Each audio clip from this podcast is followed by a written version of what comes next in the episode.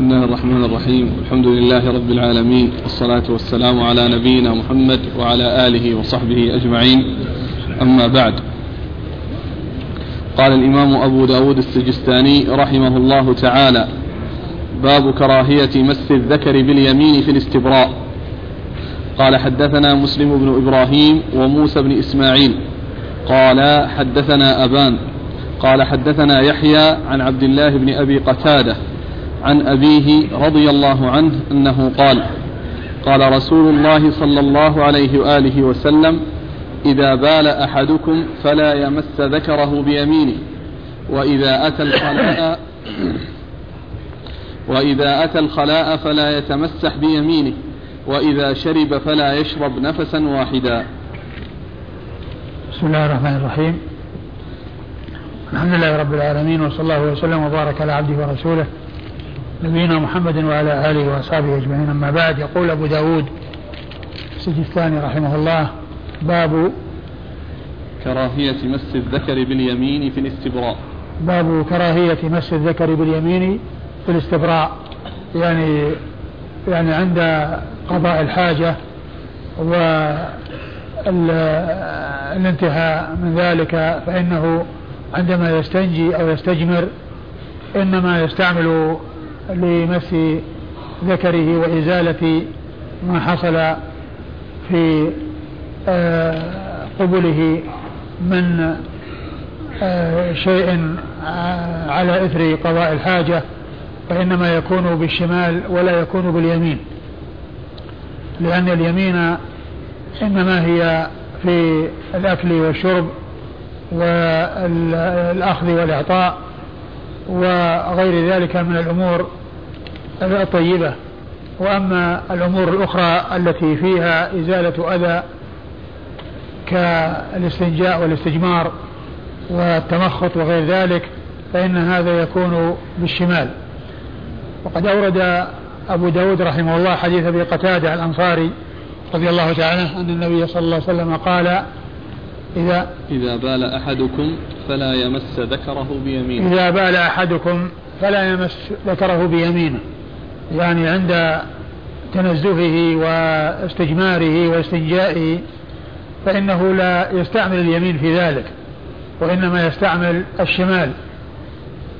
وهذا هو مقصود أبي داود أو هذه الجملة هي مقصود أبي داود رحمه الله من مراد الحديث تحت الترجمة أنه لا يستعمل اليمين في الاستبراء من البول وإنما يستعمل الشمال. أيوة. وإذا أتى الخلاء فلا يتمسح بيمينه. وإذا أتى الخلاء فلا يتمسح بيمينه. لا يتمسح بيمينه يعني معناه أنها آه لا يستعمل اليمين لا في آه مس الذكر وإزالة ما آه وإزالة آثار البول وكذلك لا يستعمل اليمين في غير في غير في غير مس الذكر وإنما يستعمل ذلك يستعمل اليسار يعني سواء في قبله أو دبره يعني كل ما يتعلق بإزالة الأذى إنما يكون بالشمال ولا يكون باليمين لا في حال القبل ولا بالنسبة للدبر الكل تستعمل في ذلك الشمال. وإذا شرب فلا يشرب نفسا واحدا. وإذا شرب فلا يشرب نفسا واحدا. يعني معناه أنه يستمر في الشرب والإناء في فمه ويتنفس في الإناء لأنه لا بد أن يتنفس في الإناء إذا استمر ولكن عليه أن يتنفس أن يخرج الإناء ويتنفس ثم يعيده ويكون ذلك ثلاث مرات. كما جاء جاءت بذلك السنة عن رسول الله صلى الله عليه وسلم. فلا يشرب نفسا واحدا لأن الشرب بنفس واحد يعني فيه مضرة على الإنسان يعني في شربه وفي ما يترتب على استعمال الماء بهذه الطريقة التي يعب فيها عبا, عبا ويسرع ويكون ذلك في نفس واحد وأيضا ما يترتب على ذلك من أنه يتنفس في الشراب ويتنفس في الماء الذي يشربه يعني وهذا شيء آه سيء وليس بحسن وإنما عليه أن يشرب بثلاثة أنفاس وليس بنفس واحد بحيث يشرب ثم آه يترك ويزيل آه, آه، الإناء عن عن عن عن فمه ثم يعيده ثم يخرجه ويتنفس ثم يعيده. هكذا جاءت السنة عن رسول الله صلوات الله وسلامه وبركاته عليه. والإسناد؟ قال حدثنا مسلم بن إبراهيم. مسلم بن إبراهيم هو الأزدي الفراهيدي وهو ثقة أخرج له أصحاب كتب الستة. وموسى بن إسماعيل. وموسى بن إسماعيل التبوذكي وهو ثقة أخرج له أصحاب كتب الستة. قال حدثنا أبان قال حدثنا أبان وهو بن يزيد العطار وهو ثقة أخرج له البخاري أخرج له أصحاب الكتب الستة إلا من ماجه. عن يحيى عن يحيى ابن أبي كثير اليمامي وهو ثقة أخرج له أصحاب الكتب الستة. عن عبد الله بن أبي قتادة. عن عبد الله بن أبي قتادة رضي الله عنه عن أبي عبد الله بن أبي قتادة وهو ثقة أخرج له أصحاب الكتب الستة. عن أبيه أو أبو قتادة رضي الله عنه. وش اسمه؟ اسمه إيش؟ عبد الله بن أبي قتادة. لا اسم أبيه قتادة. ربعي. ها؟ ربعي. الحارث بن ربعي. أو الح... نعم. الحارث بن ربعي. الحارث بن ربعي أو ربعي بن لا أظن الحارث بن ربعي. الحارث بن ربعي صاحب رسول الله صلى الله عليه وسلم وهو مشهور بكنيته أبو قتادة وهو صحابي جليل وحديثه عند أصحاب الكتب الستة. هو هو اختلف في اسمه ترى. يعني الحافظ الحافظ ذكر عدة عدة أقوال في اسمه. إيه لكن المشهور الحارث بن ربيع. نعم. ها؟ نعم. ويقال عمرو أو النعمان ابن ربعي يعني في ثلاثة. أي يعني في اسمه في اسمه. نعم. أي نعم. هو المشهور فيه الحارث بن ربعي وهو صحابي جليل وحديثه عند أصحاب الكتب الستة. أحسن الله إليك. النهي عن مس الذكر خاص في حال قضاء الحاجة أو على العموم. هو الحديث جاء في قضاء الحاجة وأبو داود إنما عقد الترجمة في حال قضاء الحاجة قال في الاستبراء. وبعض أهل العلم يقول إن ذلك يعني يكون عاما في جميع الأحوال وأنه وفيهم من يقول أنه إذا كان حصل هذا في حال الاستبراء فغيره من باب أولى. ويعني الكلام كونه غيره من باب أولى ليس بصحيح لأن كونه يمسه وهو ما في نجاسة ولا في شيء يعني يستقذر آآ آآ ليس من باب أولى فيما إذا دل على أنه لا يستعمل أو يلمس في حال وجود النجاسة عليه. وإزالة القدر منه فإنه ليس من باب أولى. يعني بل يعني آه الذي جاء بها الحديث والذي جاء بها النص لأن فيه إزالة أذى لأن فيه إزالة أذى. واليمين يعني كونها تستعمل يعني في الأمور يعني التي هي بعيدة عن تلك الأماكن لا شك أنه أولى. لكن ما يظهر يعني المنع يعني في غير حال الاستبراء. قال حدثنا محمد بن آدم بن سليمان المصيصي قال حدثنا ابن أبي زائدة قال حدثني أبو أيوب يعني الإفريقي عن عاصم عن المسيب بن رافع ومعبد أن حارثة بن وهب الخزاعي رضي الله عنه قال حدثتني حفصة رضي الله عنها زوج النبي, زوج النبي, زوج النبي صلى الله عليه وسلم أن النبي صلى الله عليه وآله وسلم كان يجعل يمينه لطعامه وشرابه وثيابه ويجعل شماله لما سوى ذلك. ثم ورد أبو داود رحمه الله حديث حفصة أم المؤمنين رضي الله عنها وأرضاها أن النبي صلى الله عليه وسلم كان يجعل يمينه لطعامه وشرابه وثيابه ويجعل شماله لما سوى ذلك.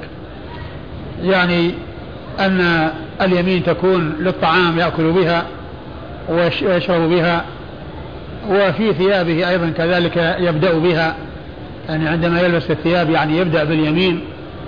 وكذلك في كل أمر مستحسن فإن اليمين تستعمل فيه. يعني مثل دخول المساجد تقدم اليمين. يعني مثل المصافحة الأخذ والإعطاء. كل ذلك إنما يكون باليمين لا يكون بالشمال. يعني ف والشمال تستعمل في الأمور التي هي دون ذلك.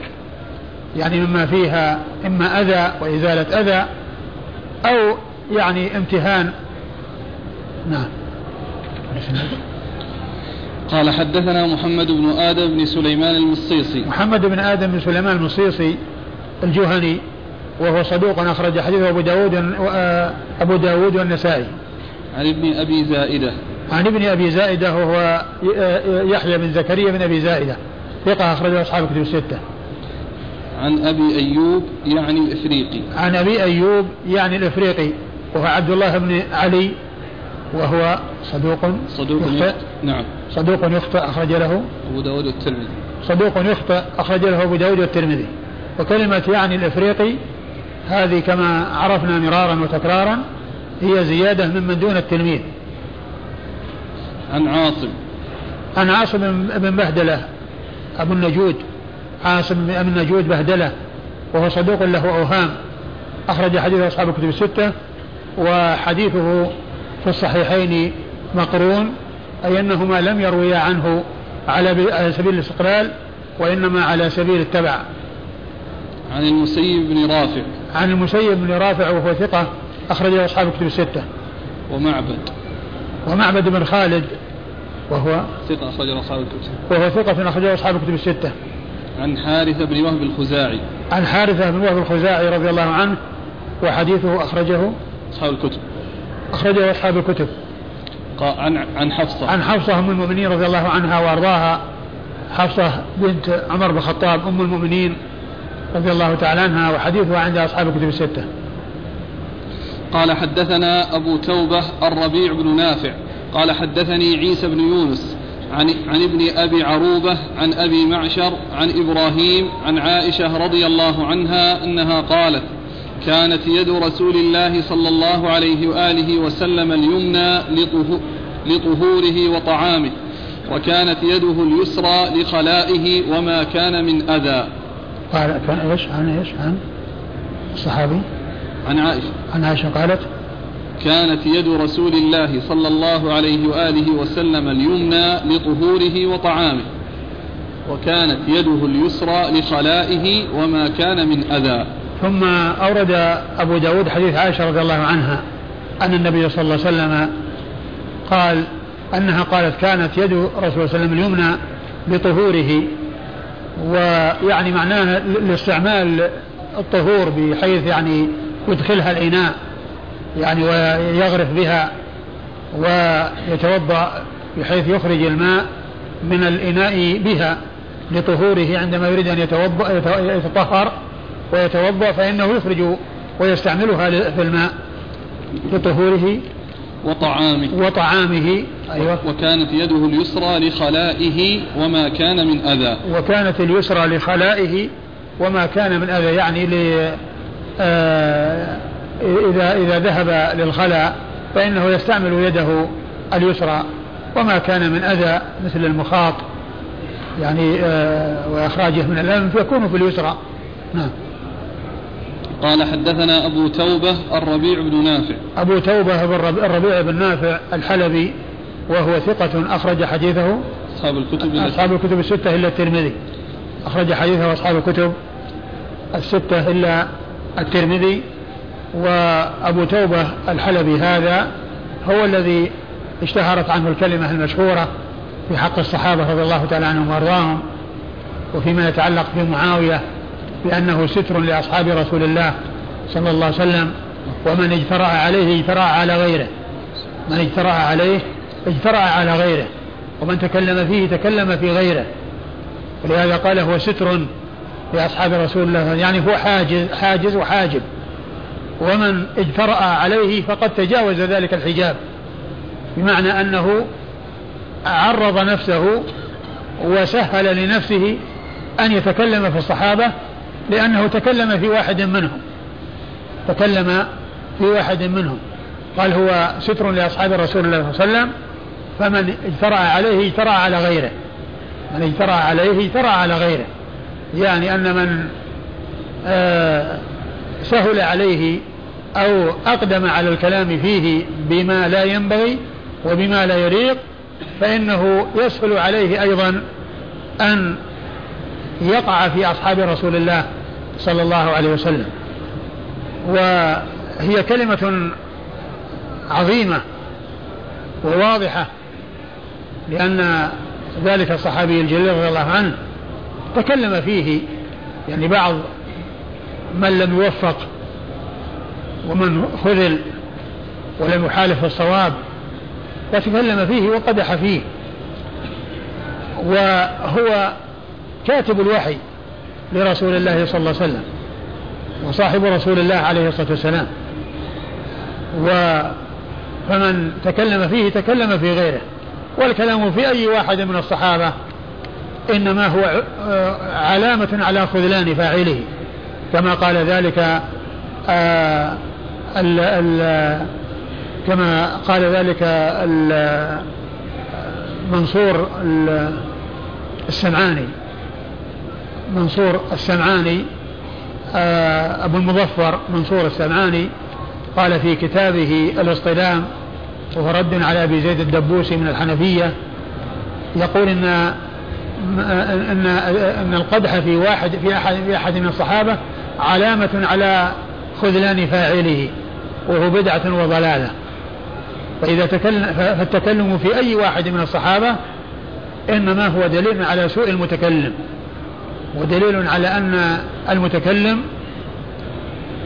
أقدم على الإضرار بنفسه. ولهذا الحافظ بن حجر رحمه الله لما جاء عند حديث المصرات في صحيح البخاري وتكلم وذكر أن بعض الحنفية الذين لا يقولون بمقتضاه فيما يتعلق بكونه يرد الشاة ومعها صاع من تمر قالوا أن هذا يخالف الأصول. وأحد الحنفية قال إن الحديث من رواية أبي هريرة وأبو هريرة ليس في الفقه مثل عبد الله بن مسعود ليس في الفقه مثل عبد الله بن مسعود. أبو هريرة له آلاف الأحاديث. وإذا تكلم فيه في حديث سهل الكلام في الأمور الأخرى. وما الفرق بين حديث وحديث؟ والحافظ بن حجر قال وقائل هذا الكلام إنما آذى نفسه. وقائل هذا الكلام إنما آذى نفسه بكلامه. يعني كلامه أذاه ومضرته عليه هو.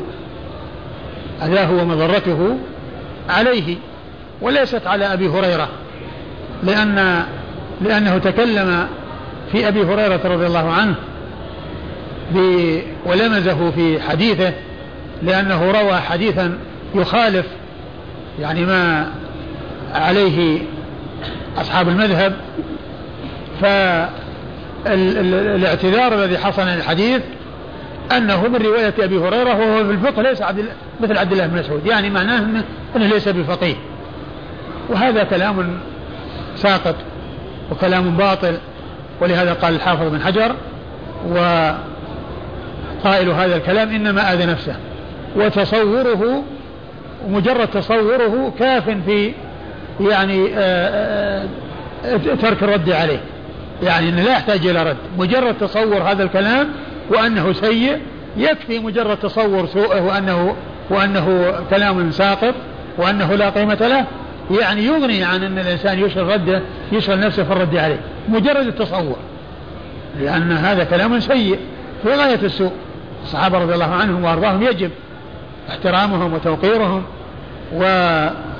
واعتقاد أنهم خير الناس وانه وأنهم ما كان مثلهم في الماضي ولا يكون مثلهم في المستقبل. والذي يتكلم فيهم وقد مضى على ذا على على عصرهم أزمان يعني معنى هذا أن أن الحسنات تجري عليهم حتى ممن يقع في نفسه شيء عليهم. إذا كان له حسنات يؤخذ من حسناتهم ومن حسنات المتكلم وتوضع لهم مثل ما جاء في حديث المفلس المفلس يوم القيامة من يأتي يوم القيامة؟ الرسول صلى الله عليه وسلم قال تدرون من المفلس؟ قالوا المفلس من من لا درهم له ولا متاع. قال عليه الصلاة والسلام المفلس؟ يعني المفلس حقا. نعم المفلس اللي ما عنده درهم ولا متاع نعم هو مفلس. هو مفلس الدنيا.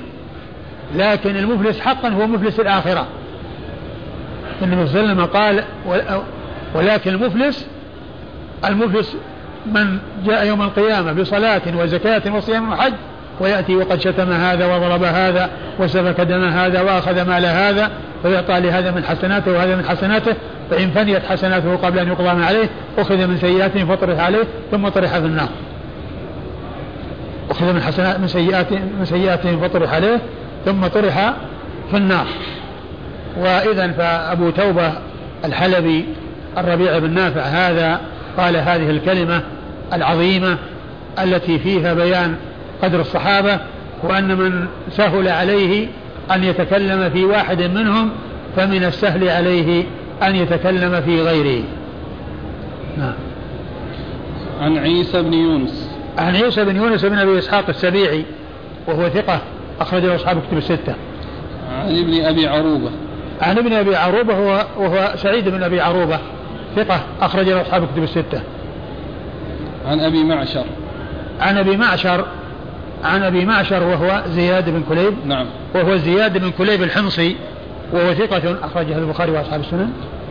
مسلم وأبو داود والترمذي والنسائي. أخرج حديث مسلم وأبو داود والترمذي والنسائي. عن إبراهيم. عن إبراهيم بن يزيد بن قيس النخعي. إبراهيم بن يزيد بن قيس النخعي الكوفي. وهو ثقة فقيه أخرج له أصحاب الكتب الستة. وهو يرسل كثيرا وهو يرسل كثيرا. وهنا يروي عن عائشة. وهذا هو من قبيل المرسل لأن الحديث الذي سيأتي عنه يبين أن هناك واسطة بينه وبينها وهو الأسود بن يزيد الأسود بن يزيد النخعي. و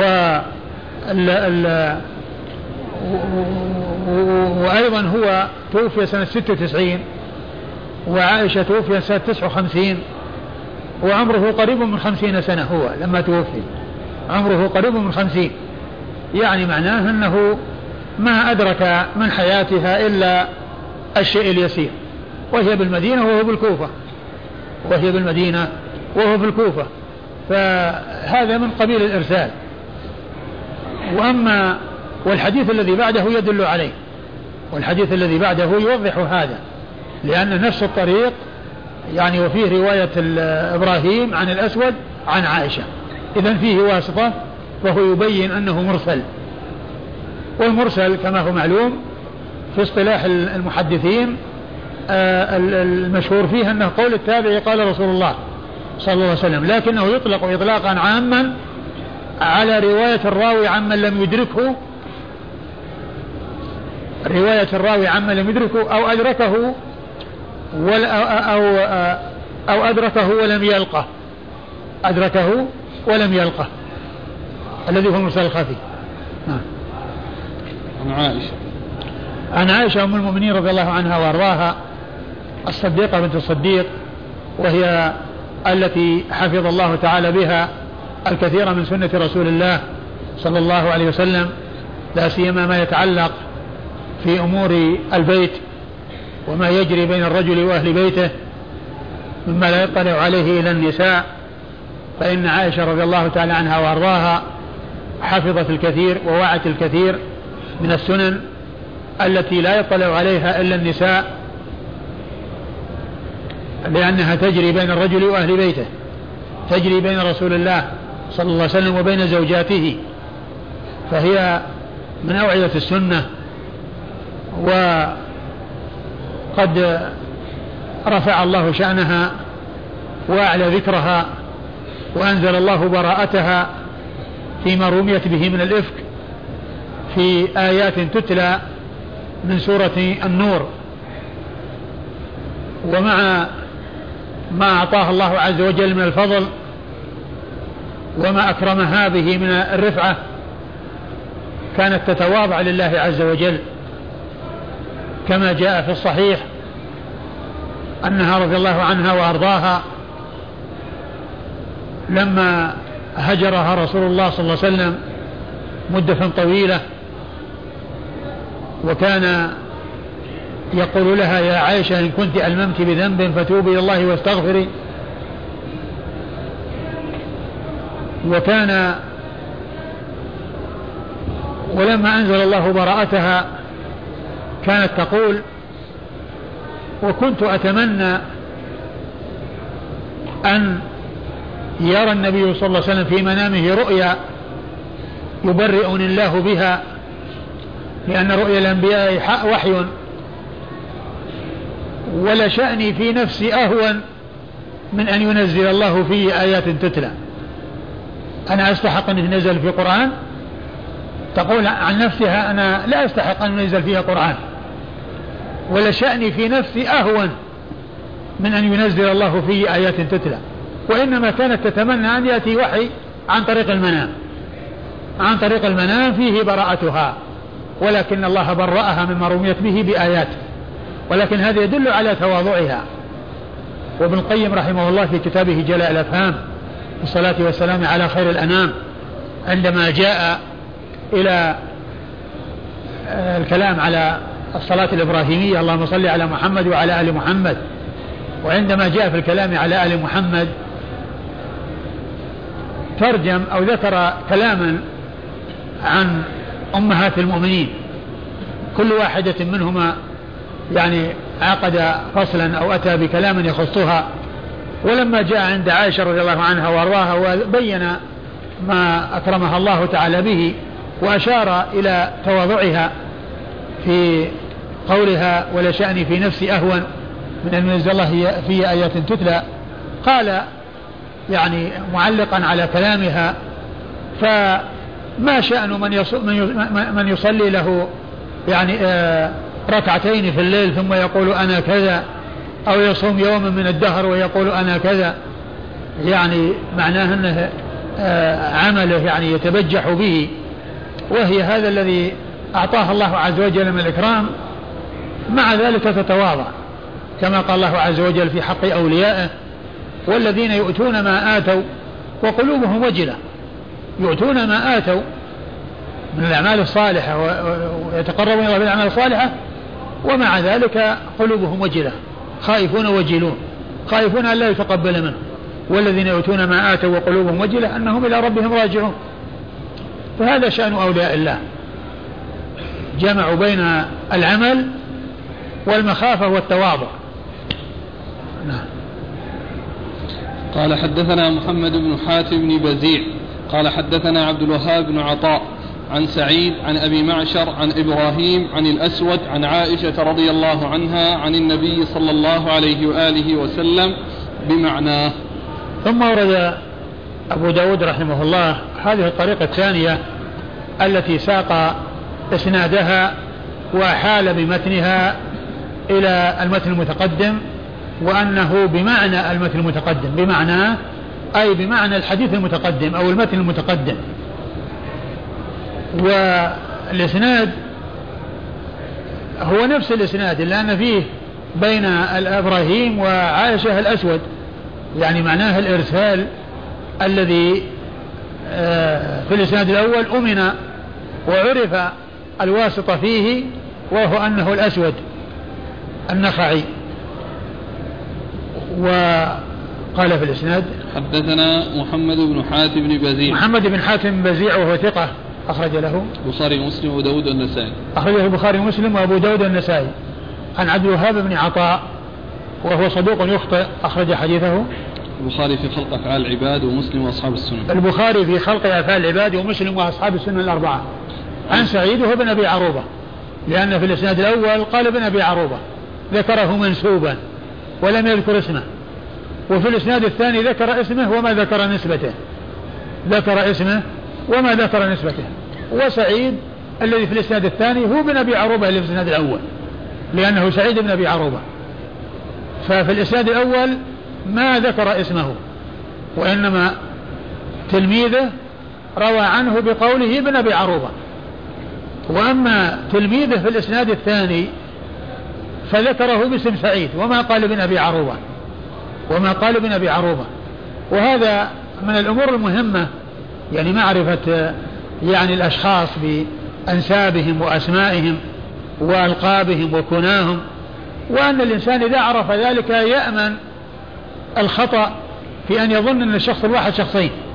لأن الذي ما يعرف إذا جاء ابن أبي عروبة في إسناد وجاء سعيد في إسناد ما يعرف هل يعني لعل هذا شخص آخر مع أنه ما شخص واحد. ذكر باسمه غير منسوب وذكر بنسبه غير مسمى. ذكر بنسبه غير مسمى. في الإسناد الأول بنسبه غير مسمى وفي الإسناد الثاني مسمى غير منسوب. مسمى غير منسوب. عن إبراهيم عن عن الأسود بن يزيد بن قيس النخعي الكوفي وهو ثقة أخرجه أصحاب كتب الستة. قال رحمه الله تعالى باب باب الاستتار في الخلاء قال حدثنا إبراهيم بن موسى الرازي قال أخبرنا عيسى بن يونس عن ثور عن عن الحسين الحبر الحبراني عن أبي سعيد عن أبي هريرة رضي الله عنه عن النبي صلى الله عليه وآله وسلم أنه قال من اكتحل فليوتر من فعل فقد أحسن ومن لا فلا حرج. ومن استجمر فليوتر من فعل فقد أحسن ومن لا فلا حرج. ومن أكل فما تخلل فليلفظ وما لاك بلسانه فليبتلع. من فعل فقد أحسن ومن لا فلا حرج. ومن أتى الغائط فليستتر فإن لم يجد إلا أن يجمع كثيبا من رمل فليستدبر. فإن الشيطان يلعب بمقاعد بني آدم. من فعل فقد أحسن ومن لا فلا حرج.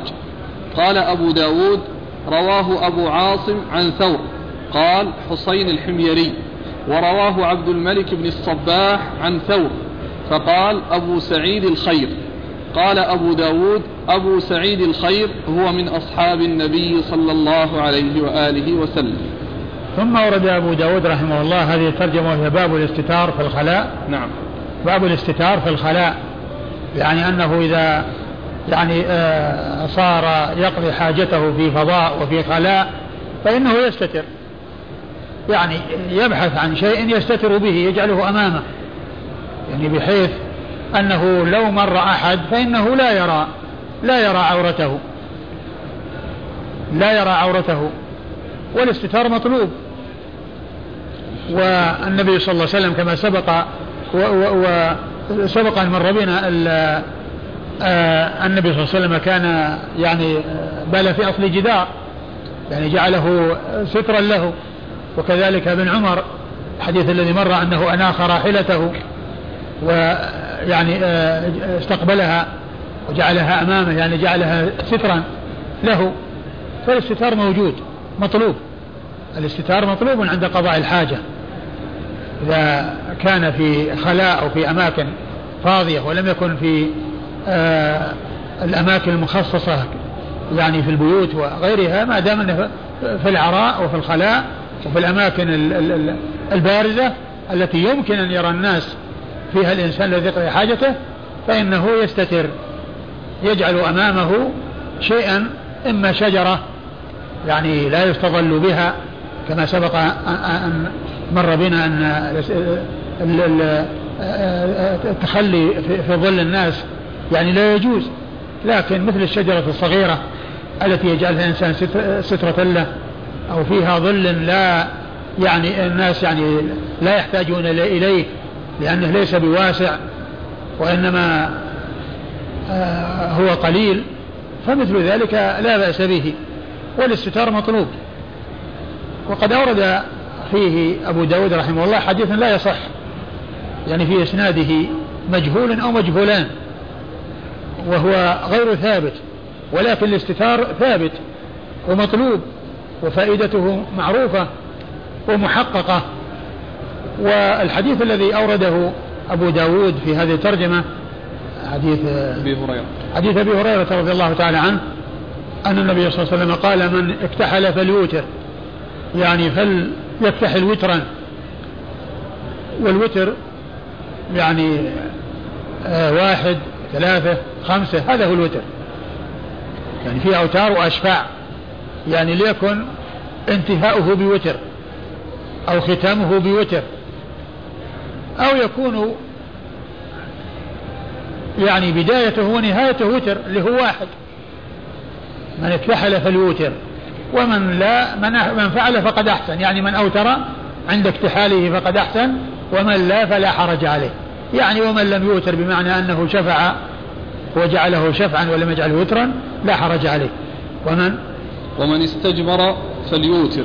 ومن استجمر فليوتر. استجمر أي قطع الخارج أو أثر الخارج بالجمار وهي الحجارة.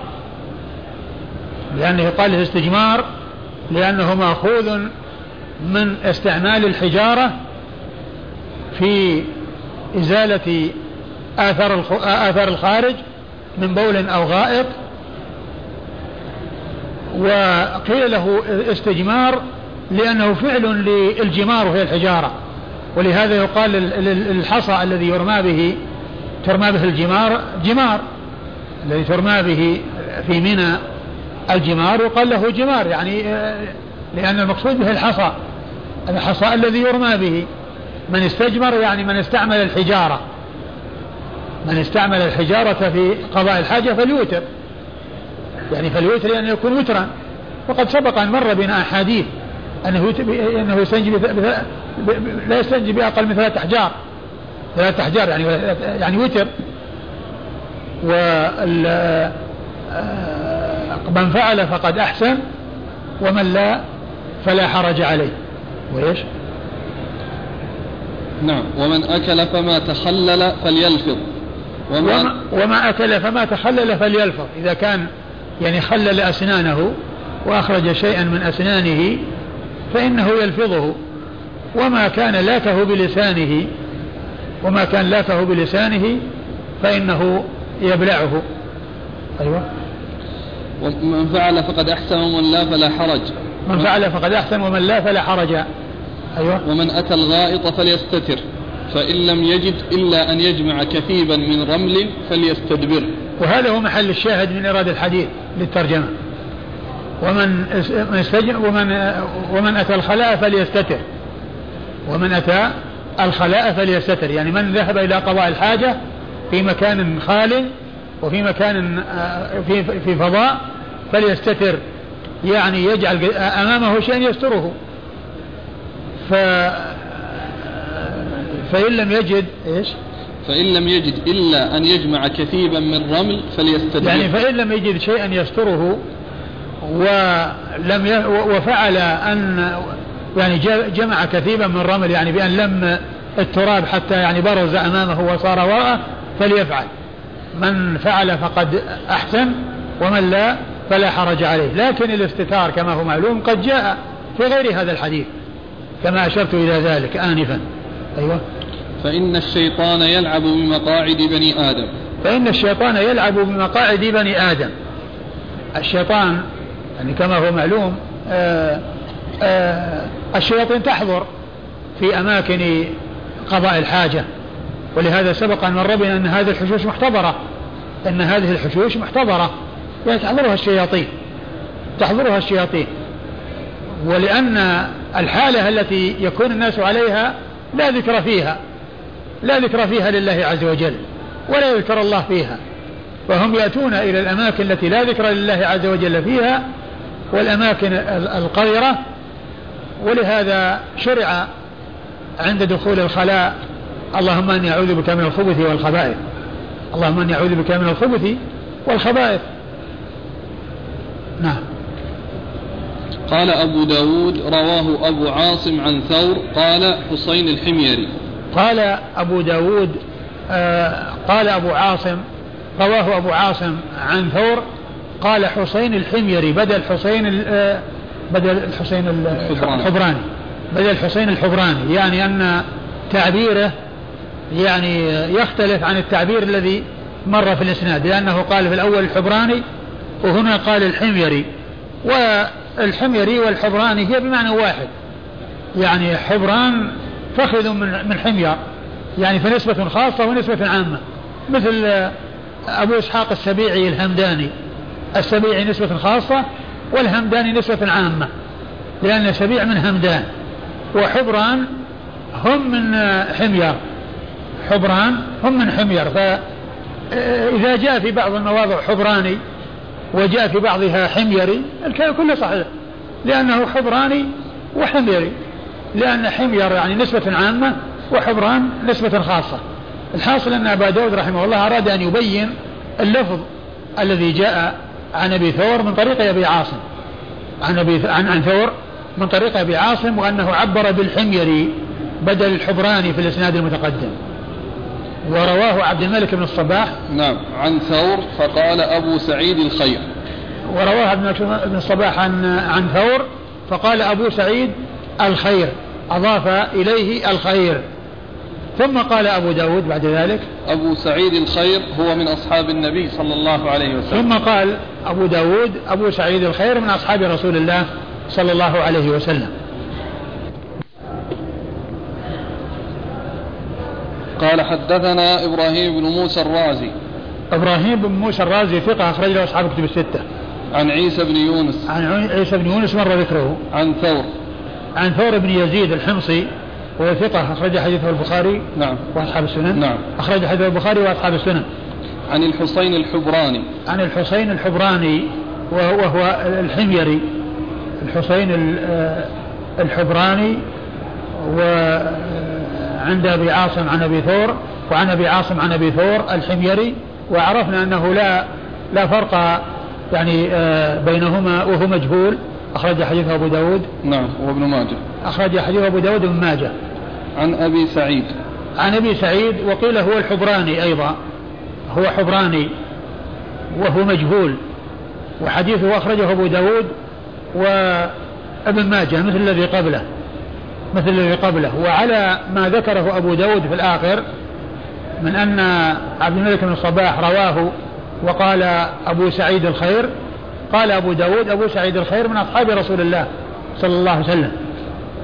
و آه، بن حجر في التقريب قال إن هذا غير هذا وأنه وهم من خلط بينهما ومن جاء من خلطهما ومن جمع بينهما.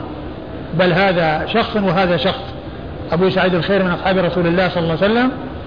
وأما الذي في الإسناد وهو أبو آه، سعيد آه، فهو الحبراني وحديثه أخرجه أبو داود وابن ماجه. عن أبي هريرة. عن أبي هريرة رضي الله تعالى عنه صاحب رسول الله صلى الله عليه وسلم وهو أكثر الصحابة حديثا على الإطلاق. ثم قال قال أبو عاصم إيه. رواه أبو عاصم عن ثور. أبو عاصم من هو؟ أبو عاصم الضحاك بن مخلد. أنت رأيت رجعت إليه وجدته؟ هذا المتبادل نعم.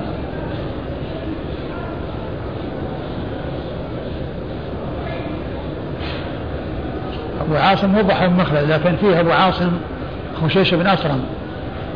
شوف التقريب. إيه، ذاك ذاك ذاك متأخر بارك الله فيك. 200 و خشيش بن أسرم أبو عاصم النسائي ثقة من الحادي عشرة مات سنة هذا ضحاك لا. أو بن أسرم بن أسرم أيوه إيش قال؟ من الحادي عشرة مات سنة ثلاث وخمسين. ثلاث وخمسين. ما ذكر عمره كم؟ لا. أيوه.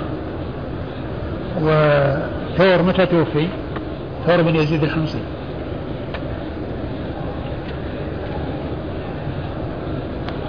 مات سنة خمسين وقيل ثلاث أو خمس وخمسين. اللي هو ثور بن يزيد؟ إيه. مات سنة؟ خمسين وقيل ثلاث أو خمس وخمسين. من السابعة. يعني مئة. 150 بس و... و... وزهير بن حرب متى؟ زهير. عن زهير بن حرب. أبو عاصم. أبو عاصم النبيل ضحاك أبو ع- ضحاك بن أيوه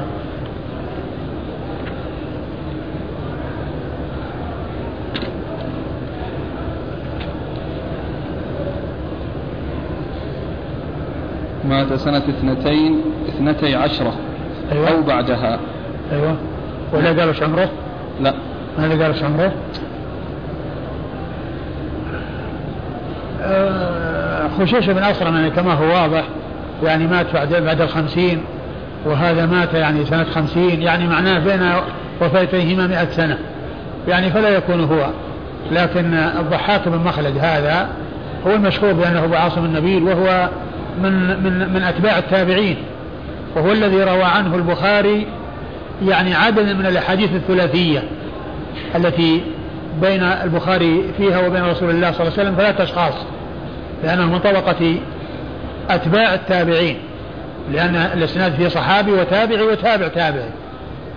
فأبو عاصم النبيل هو من من من, من, من أتباع التابعين وهو الذي يمكن أنه يروي عن ثور بن يزيد الحمصي. لأنه نعم. الضحاك قال عنه ابن حجر في مرت في الطبقة التاسعة. نعم. الضحاك جعله ابن حجر في التاسعة. أي نعم التاسعة يعني اللي اللي هم من طبقة كبار شيوخ من كبار شيوخ البخاري. كبار شيوخ البخاري.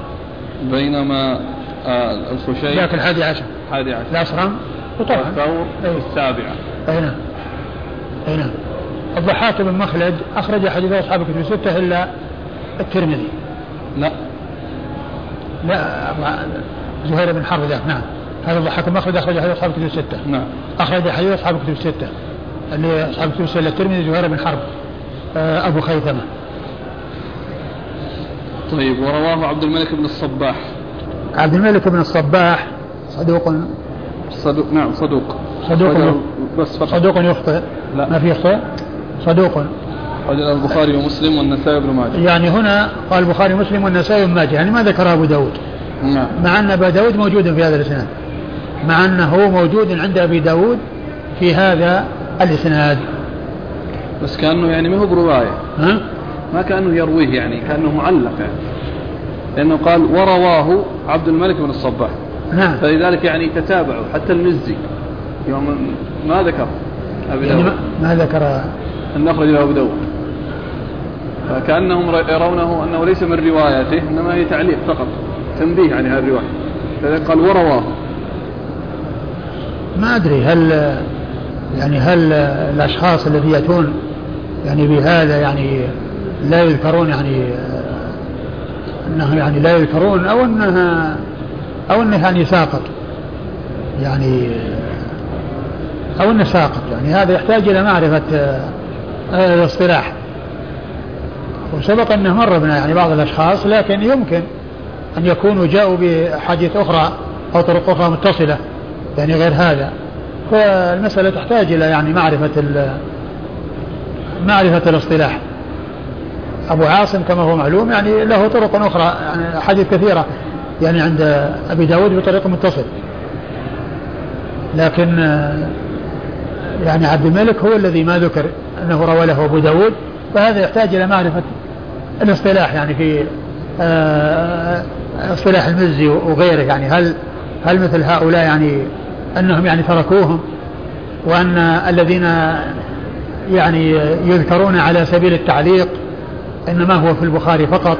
طبعا هو ما في أحد يعني يذكر تعليقا للبخاري غيرهم ما يذكرون. لكن هل يعني آه هذه الإشارة يغفلونها نهائيا ولا يعتبرون الرجل من رجال أبي داود؟ آه، آه، يحتاج الأمر إلى أن يبحث هذا. نعم. فتكون رواية عبد الملك بن الصباح فيها خطأ. وهم من أي ناحية؟ من كونه قال أبو سعيد الخير فجعله صحابي والصحيح أنه أبو سعيد الحبراني التابع المجهول.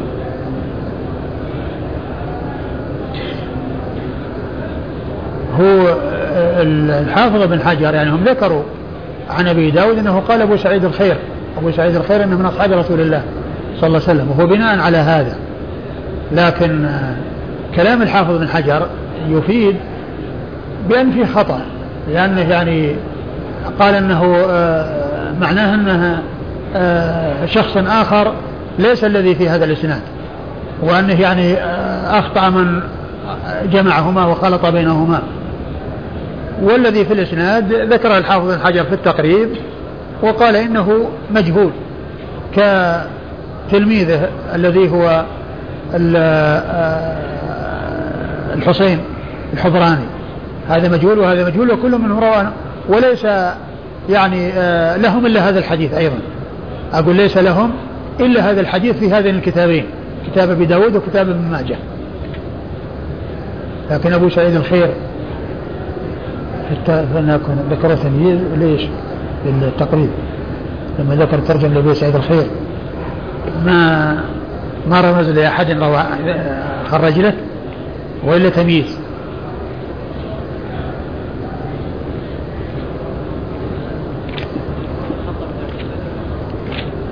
نعم. بس أبو داود هو نعم يعني أبو داود يعني بعد ذلك يعني ما تعقبه إلا أنه بين أنه صحابي. هنا في الكنى يقول أبو سعد الخير ويقال أبو سعيد. أيوة. الحبراني. أيوة. الحبراني؟ إيه؟ أيوة. ثم قال يأتي فقال بعد ذلك أبو سعيد الحبراني آه. بضم المهمل الحمصي ويقال أبو سعد الخير. أيوة. اسمه زياد وقيل عامر وقيل عمر مجهول من الثالث. ثم قال تمييز. آه. أبو سعيد الخير. الأنماري صحابي له حديث. وقد وهم من خلطه بالذي قبله ووهم أيضا من صحفه من صحف الذي قبله به. وهم من صحف؟ الذي قبله به. أيوة. بس. يعني معناه أنه يعني أن أبو سعيد هو الحبراني وهو المجهول. أين؟ عند الحافظ بن حجر. م. وبعدين أبو سعيد الخير هذا الذي له حديث يعني ما يعني ما ما رجعت يعني حتى أعرف إيش الحديث الذي الذي أنا ورمز له لمن؟ لمن لا هنا أبو سعيد الخير جعله تمييز. تمييز؟ إيه؟ إيه. لكن ما إلا حديث واحد وليس أيضا ليس في الكتب. ليس في الكتب. يعني ما له حديث واحد ليس في الكتب. الستة. أو أنه يريد الحديث الذي جاء لا. عند ابن ماجه؟ نعم. لا لا. لو كان عند ابن ماجه كان يرمز له لأنه ما قال تمييز. مم. تمييز يعني من ليس له رواية في الكتب. هذا معنى التمييز. لا بس يعني رواه ابن ماجه لكن واهم ابن ماجه يعني في الإسناد حيث قال أبو سعيد الخير. ها؟ يعني هو روى حديث لكن الحديث ما يصح أنه من روايته. وهم. بس هو قال له حديث. يعني هو في ترجمته قال له حديث. نعم. قال رحمه الله تعالى باب ما ينهى عنه أن يستنجى به. قال حدثنا يزيد بن خالد بن عبد الله بن موهب الهمداني.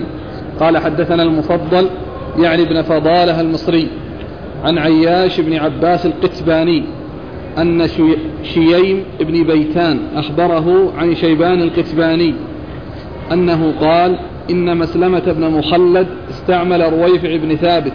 استعمل رويفع, رويفع بن ثابت. أن مسلمة؟ بن مخلد. مخلد هكذا بالضبط؟ آه، مضبوطة ضبط قلم. لا لا مخلد مخلد. مخلد؟ إيه يعني هو ضحاك بن مخلد. يعني ضحاك بن مخلد ذاك اللي راح.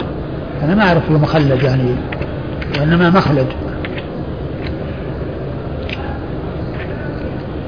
كذلك القطواني خالد بن مخلد.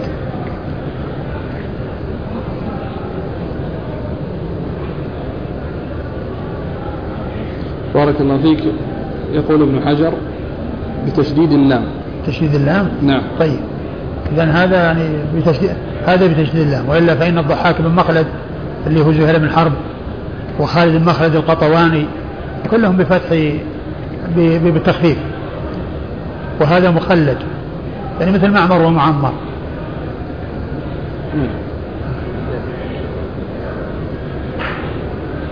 طيب.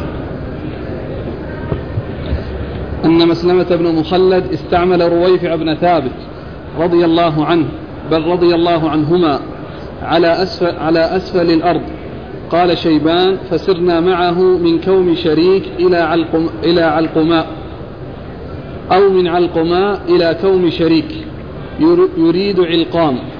فقال رويفع إن كان أحدنا في زمن رسول الله صلى الله عليه وسلم ليأخذ نضو أخيه على أن له النصف مما يغنم ولنا النصف. وإن كان أحدنا لا يطير له النضل والريش وللآخر القدح. ثم قال قال لي رسول الله صلى الله عليه وآله وسلم يا رويفع لعل الحياة ستطول بك بعدي. فأخبر الناس أنه من عقد لحيته أو تقلد وترا أو استنجى برجيع دابة أو عظم فإن محمدا صلى الله عليه وآله وسلم منه بريء.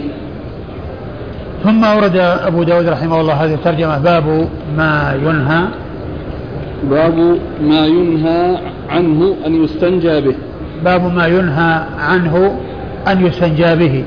يعني ما ينهى عن الاستنجاء ما ما ينهى يعني من ما ينهى عنه من الاستنجاء آه، ما ينهى عنه إيش؟ أن يستنجى به.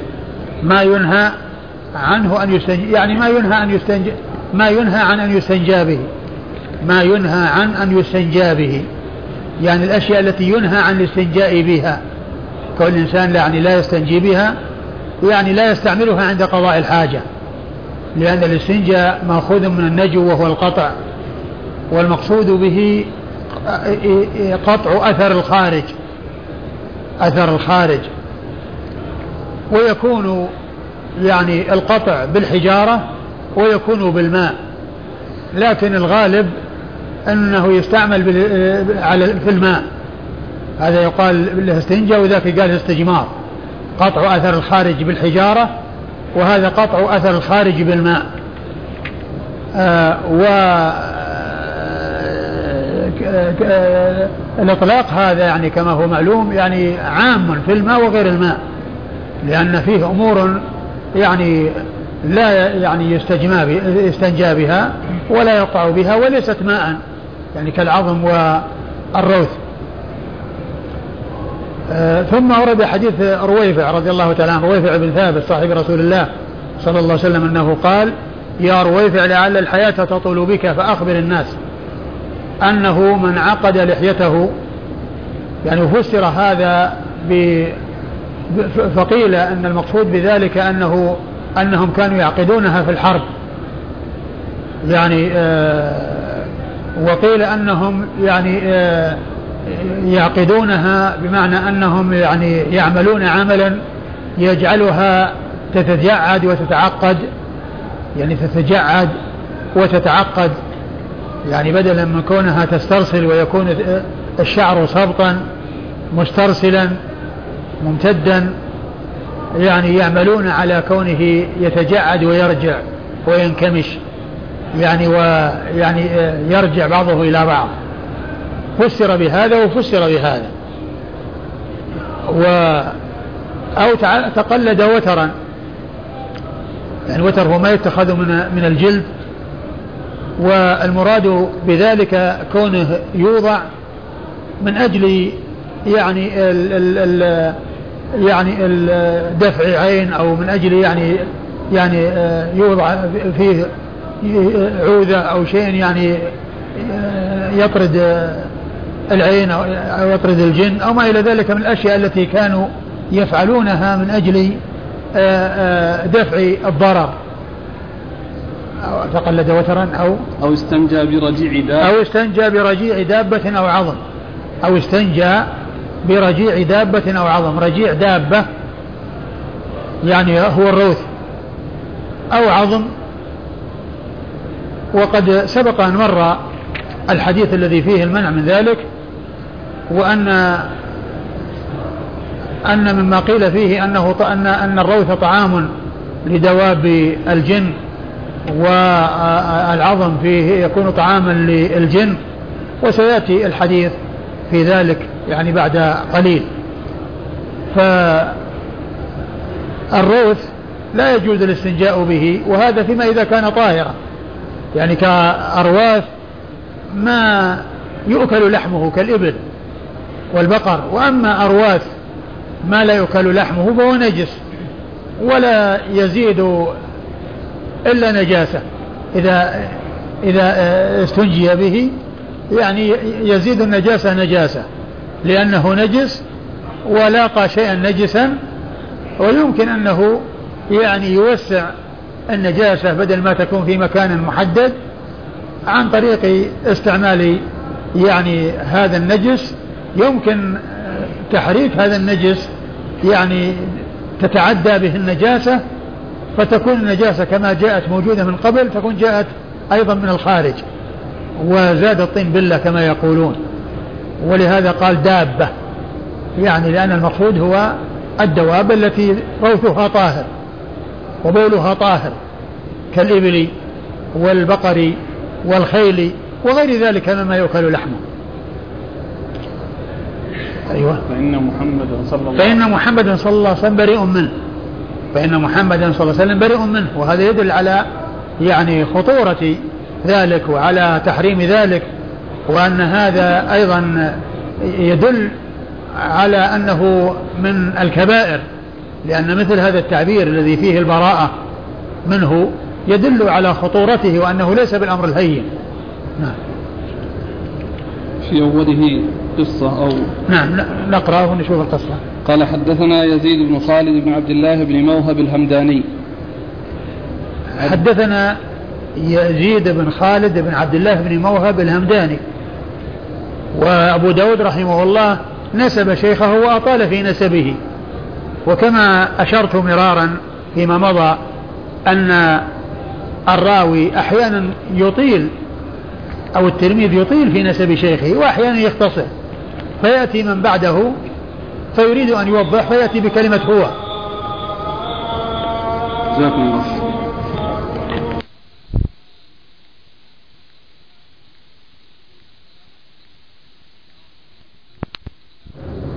بسم الله الرحمن الرحيم الحمد لله رب العالمين الصلاة والسلام على نبينا محمد وعلى آله وصحبه أجمعين أما بعد قال الإمام أبو داود السجستاني رحمه الله تعالى باب ما ينهى عنه أن يستنجى به قال حدثنا يزيد بن خالد بن عبد الله بن موهب الهمداني قال حدثنا المفضل يعني ابن فضالة ابن فضالة المصري عن عياش بن عباس القتباني أن شييم بن بيتان أخبره عن شيبان القتباني أنه قال إن مسلمة بن مخلد استعمل رويفع بن ثابت رضي الله عنهما على أسفل الأرض.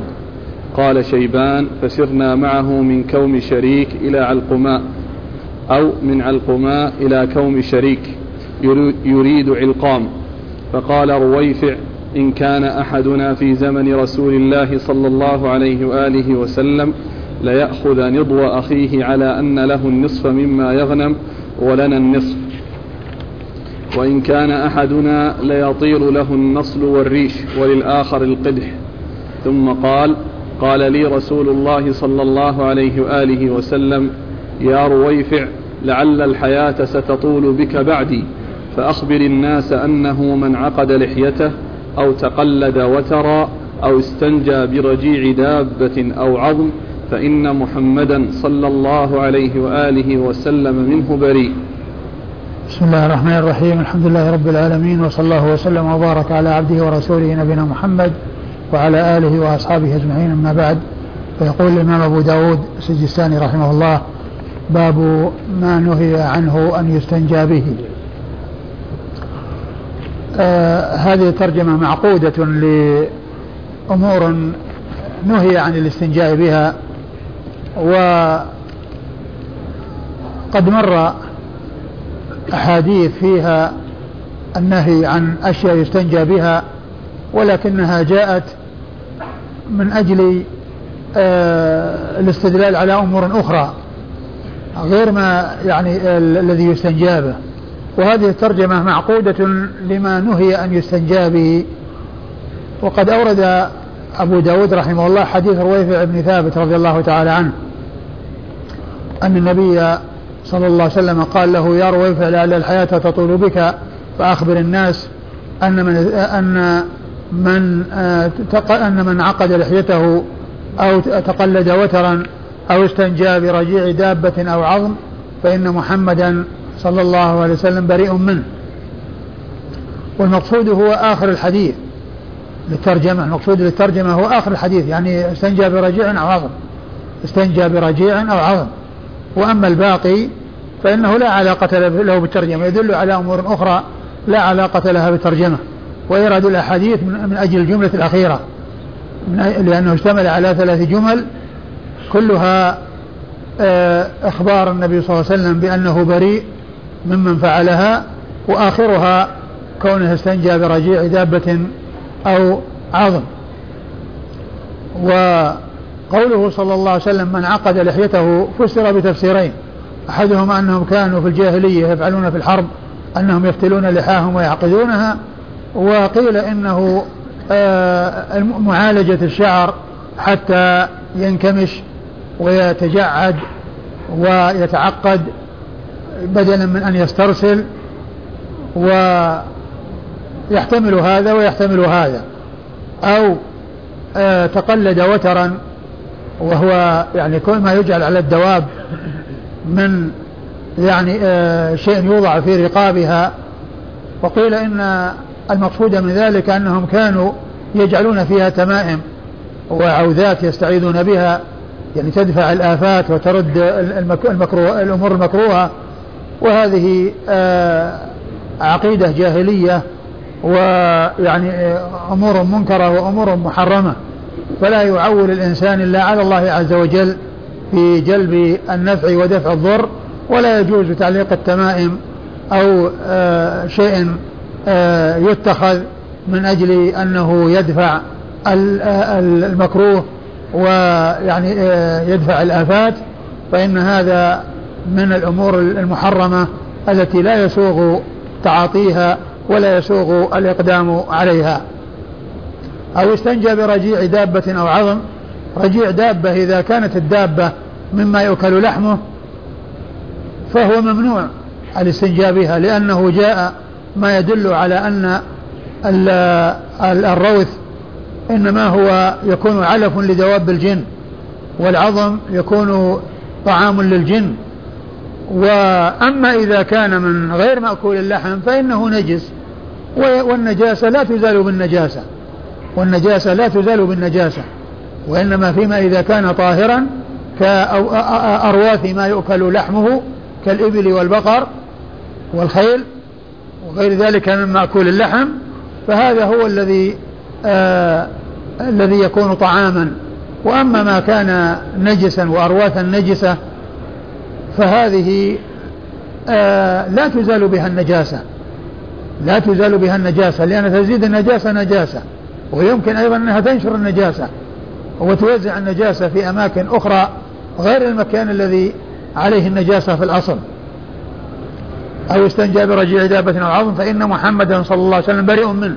وقوله فإن محمدا بريء منه يدل على تحريم ذلك وبيان أن هذه من الكبائر أن هذه الأمور التي وصف آه، من فعلها بأن النبي صلى الله عليه وسلم بريء منه يدل على أنها كبيرة وأنها حرام وأنها لا تسوق ولا تجوز. وفي الحديث قصة وهو أن مسلمة بن مخلد يعني آه وكان أميرا لمعاوية على مصر أناب أو استناب رويفع ابن ثابت على جزء من أرض مصر وكان آه شويم شويم ابن ابن بيتان. شويم ابن بيتان. يعني كان صاحب رويفع رضي الله عنه لما ذهب إلى البلد الذي عين فيه والذي استنيب فيه من قبل والي مصر عموما مسلمة بن مخلد. فكان يمشي هو وإياه في الطريق. يعني إلى مكان يقال له علقام وكانت ال ال يعني ال يسيرون من من من من من بلد إلى بلد من من من من من كوم فسرنا معه من كوم شريك إلى علقماء من كوم شريك إلى علقماء أو من علقماء إلى كوم شريك يريد علقام يعني يريد البلد الذي هو يعني آه، أسند إليه القيام بولايتها. فكان في هذه المسافة التي يعني بين هذا هاتين البلدتين في أثناء الطريق يعني تحدث حدث بهذا الحديث أو تكلم بهذا الكلام. يعني معناه أنه يعين المسافة أو المكان الذي حدث فيه في هذا المكان. لأنه يعني مثلا يعني كان يعني مثل مثل ما إذا كان ذاهب إلى مكة يعني يريد أن يصل إلى مكة هي هي هي الغاية. وفي المسافة التي في الطريق من من من نقطة إلى نقطة في الطريق يعني حدثه بهذا الحديث. حدثه يعني معناه في في في مسافة معينة من الطريق من هذا البلد إلى هذا البلد الذي هو في أثناء الطريق التي هو ذاهب إلى إليها أي البلد التي أنيب فيها حدث بهذا الحديث. فقال إن إن كان أحد إن كنا في زمن رسول الله صلى الله عليه وسلم يأخذ أحدنا النضو. والنضو هو البعير الذي يعني يكد ويعمل عليه وقد هزل بسبب العمل عليه. فكانوا يأخذون البعير أو أحدهم يأخذ البعير على النصف مما يغنم على أن صاحب البعير اللي هو مالكه له نصف ما ينتج من الفوائد عن طريق استعمال هذا البعير. والذي آه، استعمله واستأجره له النصف. وهذا يدل على جواز مثل هذه المعاملة. يعني يكون إنسان يعني آه، يكون عنده سيارة ويعطيها إنسان ليستعملها بالأجرة وما حصل من ريع وما حصل من نقود. لكل واحد منهما جزء هذا له النصف وله النصف. هذا له النصف وهذا له النصف أو هذا له الربع وهذا له ثلاثة أرباع. المهم يكون هناك نسبة يعني معلومة بحيث يكون كل واحد منهما له نصيب من من من الريع ومن الناتج الذي ينتج بسبب هذا العمل. فهذا يدل على جواز ذلك. وقد أجازه بعض أهل العلم ومنعه كثير من أهل العلم وقال إن ذلك لا يجوز إلا بإجرة المثل. لكن هذا العمل الذي جاء عن رويفع وأنهم كانوا يفعلونه في زمن النبي صلى الله عليه وسلم يدل على أن ذلك جائز. ثم أيضا هو شبيه بالمضاربة التي أجمع المسلمون عليها. شبيه بالمضاربة التي أجمع المسلمون عليها وهي كون إنسان يدفع المال إلى عامل ليعمل به وما حصل من ربح فهو بينهما على النسبة التي يتفقان عليها. هذه معاملة أجمع المسلمون عليها وكانت في الجاهلية وأقرها الإسلام وهي محل إجماع بين أهل العلم لا خلاف بينهم في ذلك وهي مثل المزارعة والمساقات. المزارعة وهي كل إنسان يعطي الأرض لشخص يزرعها على النصف مما يخرج منها أو يعطيه نخلا على أن يسقيه على النصف من الثمرة. ذلك جائز وقد جاء في ذلك قصة خيبر ومعاملة النبي صلى الله عليه وسلم اليهود في خيبر وأنه عاملهم على النصف على ما يخرج منها من من ثمر أو زرع. فكون إنسان يدفع دابته أو يدفع سيارته إلى إنسان ليستعملها في الإجرة وما حصل من ريع وما حصل من نتاج يعني فائدة فإنها تكون بينهما على النصف لا بأس بذلك لأن هذا من جنس المضاربة ومن جنس المزارعة والمساقات والمزارعة مجمع عليها والمساقات والمزارعة فيها خلاف بين العلم لكن النصوص جاءت في جوازها وذلك في قصة خيبر. فاستعمال السيارة أو الدابة على أن الإنسان يحتطب وما حصل من شيء فهو بينهما أو يؤجرها يعني بالنقود وما حصل من شيء بينهما لا بأس بذلك. هذا هو هو الصحيح في هذه المعاملة لأنه آه، وجد ما يدل على ذلك. فيما جاء في قصة رويفع وأنهم كانوا يفعلون ذلك في زمن النبي صلى الله عليه وسلم وفي آه، أن ذلك مماثل للمضاربة ومماثل وهو قد أجمع عليها ومماثل للمزارعة والمزارعة والمساقات. وقد جاء ما يدل عليها في حديث رسول الله صلى الله عليه وسلم. فقال إن كان أحدنا ليطير له ليطير له النصل النصل والريش. نعم. والآخر له القدح. يعني معناه عند القسمة يكون لهذا يعني هذا الشيء ولهذا هذا الشيء. وفي هذا دليل على أن ما تصلح قسمته وما يمكن أن تقسم وما يصلح للقسمة أنه يقسم عند إذا عندما يطلب أحد الشريكين عندما يطلب أحد الشريكين القسمة. أما إذا كان الشيء لا يصلح للقسمة ولا يقبل القسمة فإن هذا ما في سبيل إلا بيع. ثم نقوده يقتسمونها على حسب النسبة على حسب الملك للأصل. إذا كان أنصاف يقتسمون القيمة أنصاف وإذا كان ثلث وثلثين يقتسمونها على على على هذا الأساس. فالأصل في القسمة أن ما يمكن قسمته وطلب أحد الشريكين القسمة فإنه يقسم.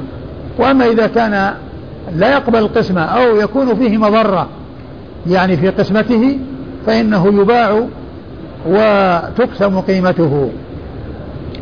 ثم بعد ذلك يعني آه، أخبر عن ما آه، حدثه به رسول الله صلى الله عليه وسلم يا رويفع لعل الحياة تطول بك فأخبر الناس.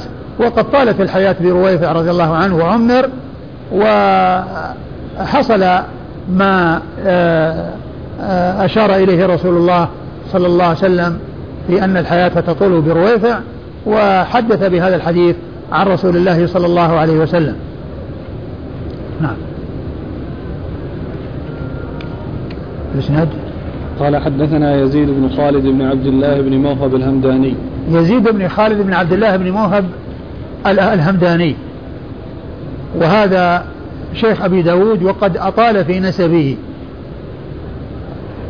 وقد عرفنا أن التلميذ يذكر نسب شيخه كما يريد. يمكن أن يختصره ويمكن أن يطوله يمكن أن يذكره باسمه فقط ولا يضيف إلى ذلك شيئا إذا كان معروفا ومشهورا ويمكن أن ينسبه ويطيل في نسبه مثل ما فعل أبو داود هنا فإنه نسب شيخه وأطال في نسبه وأحيانا يعني لا يزيد على كلمتين بأن يذكر اسمه واسم أبيه لا أحيانا يذكر اسمه واسم أبيه. وقد سبق أن مر بنا أنه أحيانا من دون أبي داود يضيف يعني في نسبة شيخ أبي داود ويأتي بكلمة يعني أو هو ابن فلان. كما سبق أن مر بنا قريبا مثال من أمثلة ذلك في شيوخ أبي داود وأن من دونه زاد في نسبه وقال هو فلان. هو السدوسي رجل سبق أن تقدم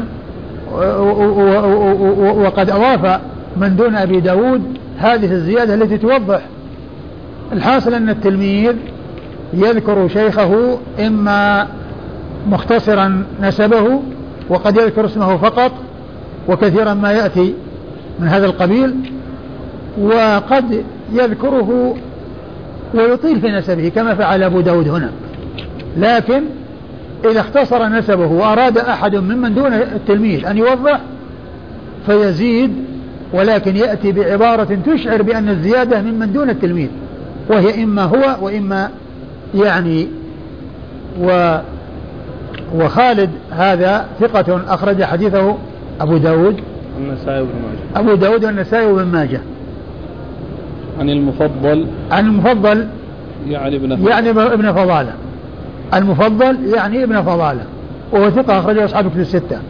وخالد هذا الذي ذكر يزيد. آه نعم. يزيد. يزيد بن خالد. أي. يزيد بن خالد الذي هو شيخ شيخ أبي داود والذي أطال في ذكر نسبه ما زاد على ذكر في ذكر شيخه قال المفضل فقط ولم ينسبه فهو مهمل. فجاء أبو داود أو من دون أبي داود فقال ابن فضالة وأتى بكلمة يعني يعني ابن فضالة. والمفضل بن فضالة ثقة أخرجه أصحاب الكتب الستة. عن عياش بن عباس القتباني. عن عياش بن عباس القتباني. وهو ثقة أخرج له. البخاري في جزء القراءة ومسلم وأصحاب السنن أخرجه البخاري في جزء القراءة ومسلم وأصحاب السنن عياش عباس. وهذا من الألفاظ المتقاربة في الرسم والشكل الفرق بينها في النقط الفرق بينها في النقط عباس وعياش وعباس الفرق بينها في النقط فيعني التصحيف يعني والتحريف يأتي في مثل هذه الألفاظ المتقاربة يعني والتي رسمها واحد وشكلها واحد. ف يسمونه المؤتلف والمختلف. ما يتفق الألفاظ من حيث الرسم وتختلف في النطق. الرسم والشكل وتختلف في النطق في النطق بها. لأن رسمها يعني آآ آآ متقارب والفرق هو في النقط والفرق هو في النقط يعني النقط والنطق. نعم. عن شييم بن بيتان. عن شييم بن بيتان وهو ثقة أخرج له أبو داود والترمذي والنسائي. أخرج له أبو داود والترمذي والنسائي. عن شيبان. عن شيبان بن أمية أبو حذيفة كما ذكره أبو داود في آخر الإسناد وهو مجهول. أخرج حديثه أبو, أبو داود وحده؟ نعم. أخرج حديثه أبو داود وحده. عن رويفع عن رويفع ابن ثابت صاحب رسول الله صلى الله عليه وسلم وحديثه أخرجه. البخاري في الأدب المفرد وأبو داود والترمذي والنسائي. البخاري في الأدب المفرد وأبو داود والترمذي والنسائي.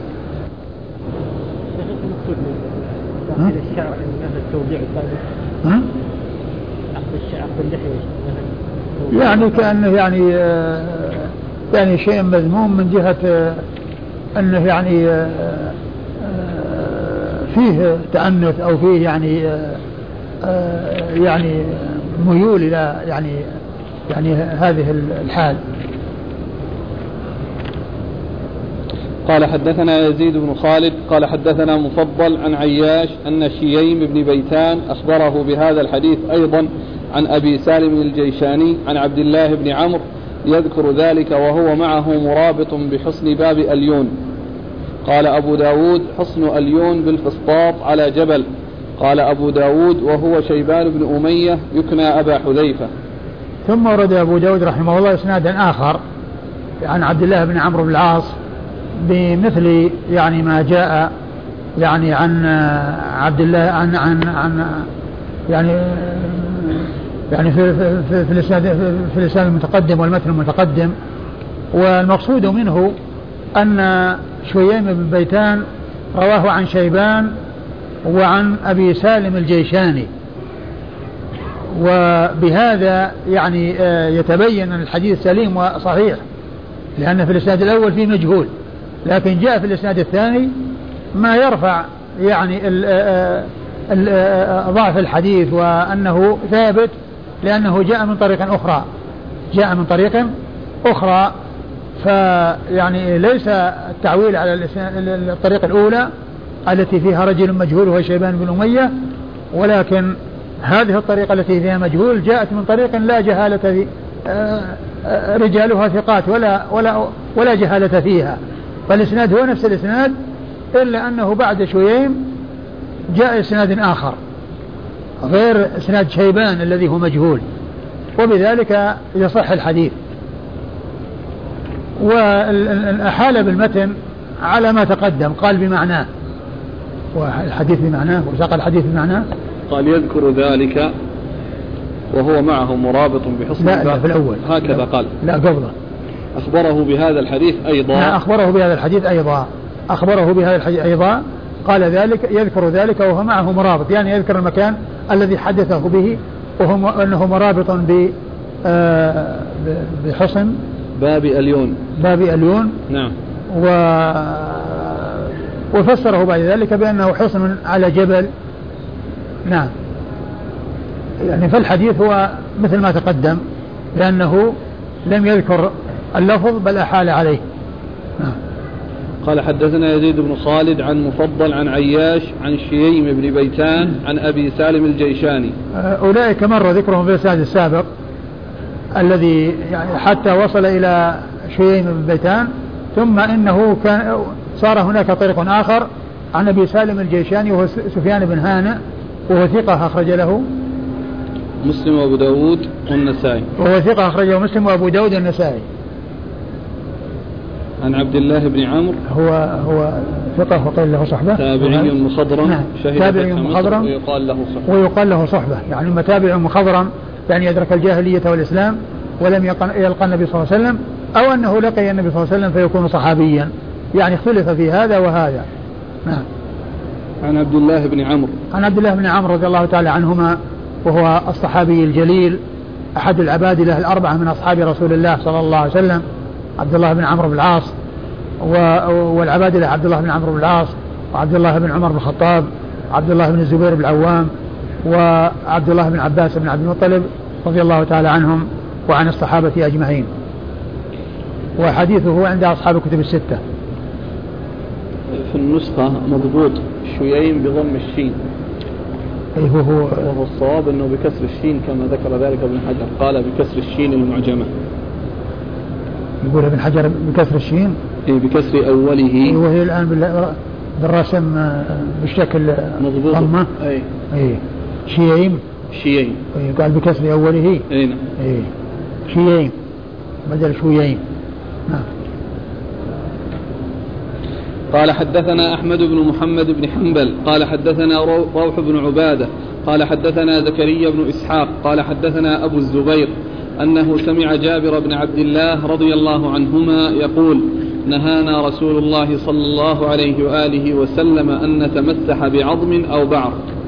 ثم ورد أبو داود رحمه الله حديث جابر وفيه ما في الذي قبله في الجملة الأخيرة التي فيها النهي عن آه عن شيء يستنجى به وهو ال ال ال العظم والبعر. العظم والبعر والبعر هو الروث والبعر هو الروث. يعني آه، ما يؤكل لحمه روث ما يؤكل لحمه. فهو مثل ما تقدم ونتمسح يعني نستنجي. نعم. قال حدثنا أحمد بن محمد بن حنبل. أحمد بن محمد بن حنبل الإمام الفقيه المحدث المشهور أحد أصحاب المذاهب الأربعة المشهورة من مذاهب أهل السنة وهو آخر الأئمة الأربعة يعني في الزمن لأن وفاته سنة 241 وأولهم أبو حنيفة 150 والمالك بعده 179 والشافعي 204 هذه سنوات وفيات هذه الأئمة الأربعة. والحروف بعض الناس يستعمل الرموز أو الحروف التي حروف الأبجد يعني اكتفاء أو يعني بدلا من من ذكر السنين لأنها تكون أخصر وأسهل في الحفظ. وإذا عرف الكلمة ثم فكها وعرف يعني مقدار الأعداد التي آه، تخرج منها آه، يكون بذلك تحديد سنة الوفاة. ويستعمل بعض الشعراء يعني آه، ذلك بأن يكتفي بأن يذكر الكلمات استغناء عن ذكر الأرقام والأعداد. وقد ذكر أذكر بيت من أبيات الشعر فيها وفيات الأربع الأئمة الأربعة بحروف الأبجد. قال فنعمان فنعمانهم قن فنعمانهم قن. قن يعني قاف ونون 150 تكون. وطعق لمالك طاع قاف تصير 179 وللشافعي در دال وراء تكون 204 ورام بن حنبلي تكون 241 فنعمانهم قن وطعق لمالك وللشافعي در ورام بن حنبلي. فهذا بيت يشتمل على وفيات آه، الأئمة الأربعة في الحروف الأبجدية. فنعمانهم قن وطعق لمالك وللشافعي در ورام بن حنبل.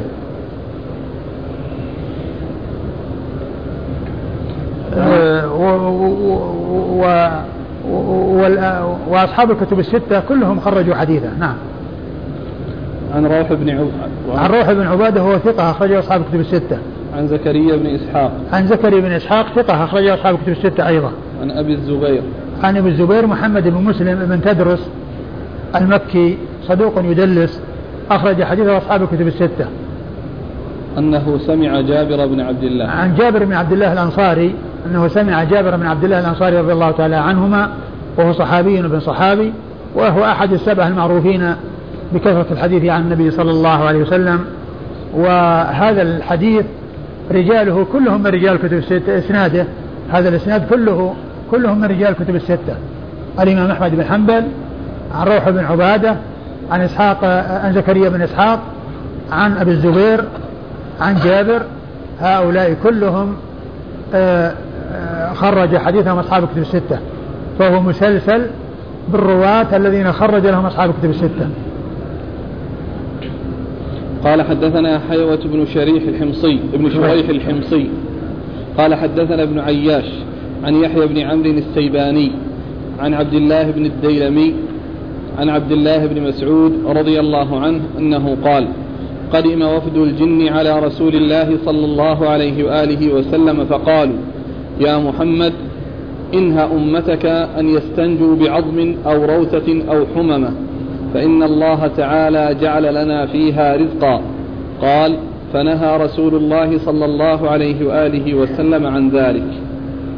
ثم أورد أبو داود رحمه الله حديث عبد الله بن مسعود رضي الله عنه أن وفد الجن جاءوا إلى رسول الله صلى الله عليه وسلم وطلبوا منه أن ينهى أمته عن أن يستنجوا ب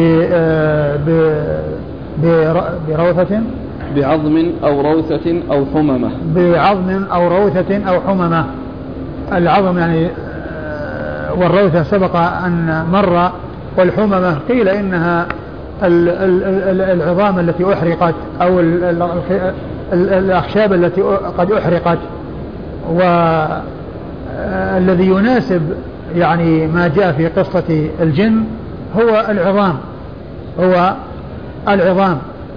وأيضا إذا كانت قد أحرقت فيها بالإضافة إلى كونها يعني آه، فيها إفساد لطعام الجن لا يحصل أيضا المقصود من منها وذلك ل يعني احتراقها ولتفتتها وأنه آه، آه، لا يمكن الاستفادة منها في هذا المجال الذي هو الاستنجاء وقطع الخارج بهذه الوسيلة وبهذه الطريقة. وفي هذا دليل على أن آه على أن التعليل للنهي عن الاستنجاء بالروث والعظام أن لأنه طعام الجن. أنه طعام الجن. وقد جاء في بعض الأحاديث أن الله يجعل على العظم يعني من اللحم ويجعل على على الروث. يعني شيئا يعني تستفيد منه دواب الجن. ثم قوله إنها أمتك المقصود به إنها الإنس وإلا فإن الجن هم من أمته صلى الله عليه وسلم.